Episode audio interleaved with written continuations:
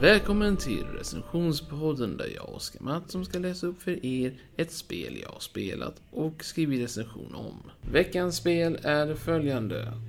Supreme Commander Gold Edition med en bonustillägg av en modifikation till det vid namn Forever. Dessa grejerna tillsammans kommer jag berätta om och hoppas att ni njuter. Utav alla spel jag har spelat någonsin i mina, min livstid så är detta spel det som fick mig att bli chockad över tanken, kom ett spel för tidigt eller för sent? I detta spel kan jag svara med en chock, men denna chock kommer antagligen låta logisk, men ja. Detta spel kom ut för tidigt. Spelet var inte funktionsdugligt vid första starten och innehöll med följande problem. Eh, grafikkortsöverhettning och liknande problem. Detta betyder mer eller mindre att spelet kunde döda din data första gången det kom ut, vilket var en katastrof för många som tyckte att spelet var episkt att se på.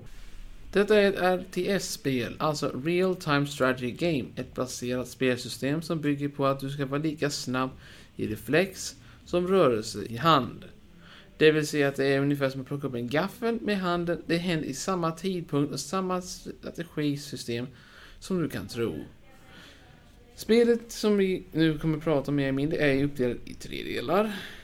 Gold Edition innehåller bägge två de första två, så vi kommer börja med dem.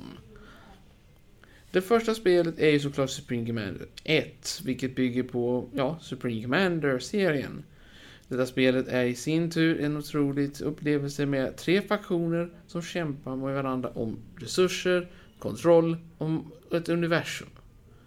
Senare hoppar vi vidare till Forged Alliance som är uppföljaren.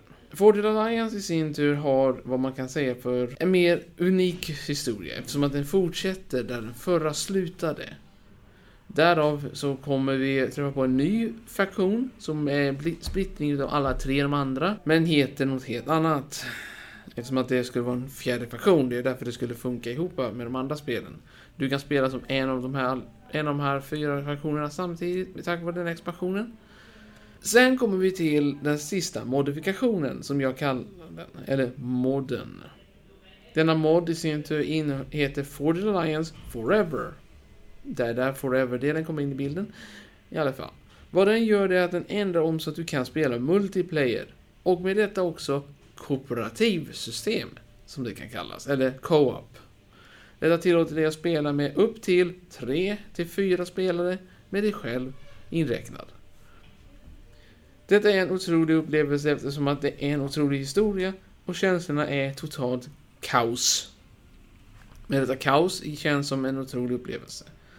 De följande tre olika grupperna som finns ifrån huvudspelet är United Earth Federation, eller UEF. Jag låter något likt som i Starcraft, men det är inte samma.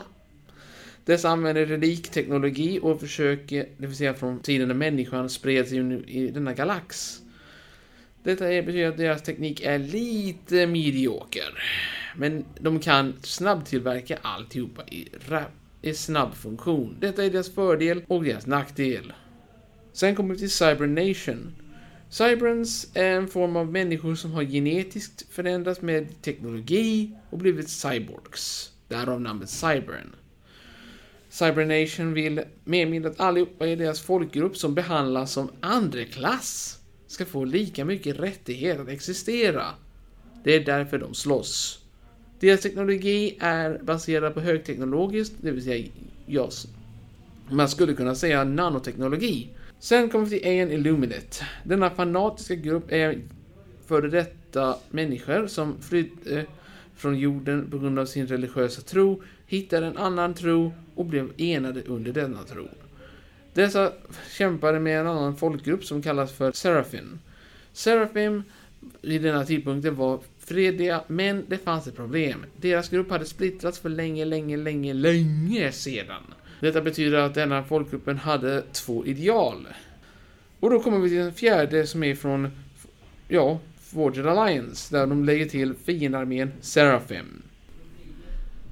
Denna faktion i sin tur är den splittrade delen av Seraphim, eftersom att den originalgruppen som Aeon Illuminate skapades från dog ut. Men denna organisation, Seraphim, vill ta tillbaka makten i denna sektorn eller sektorerna som hela mänskligheten har erövrat och använt som sitt hem. Eftersom att deras originalbröder, som man kan kalla de som styrde planeterna och alltihopa innan i sektorerna, dog ut, så anser de sig själva vara på ett korståg för att bränna bort allt som verkar sig vara fientligt mot dem och därmed inte följer deras ideal. Men i alla fall, tills en senare Forge Alliance Forever. Denna modifikation som jag sa slår ihop både guldversionens system med ett multiplayer och ett kooperativt system.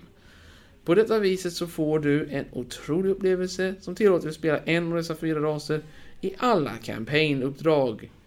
Detta gör det helt episkt, enastående och såklart en så häftig upplevelse att du kommer till och med vilja spela det om igen på ett nytt sätt.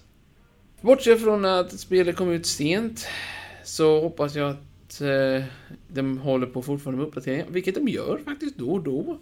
Senaste uppdateringen hände 2021, men den kan nog komma med till en modifikation. Men spelet i sig slutades uppdateras vid 2012. Du kan dock spela kampanjen som det är, men multiplayer-systemet är fortfarande avstängt. Detta är därför att den strevs av ett annat system som har gått i konkurs eller bara lagts av. Detta är sorgligt, men vad gör man? Mitt betyg för detta spel är eftersom att det var många små produkter som blev förstört eller inte kan fixas normalt sett utan modifikationer.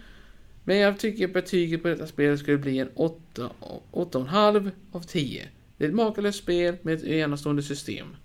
Men det finns alltid förbättringar i framtiden som man säger. Och det ska vi höra om nästa vecka förhoppningsvis. Om uppföljaren. Men i vilket fall, tack för att ni hörde på denna recension. Och jag hoppas att ni tyckte att den var värd det. Hejdå!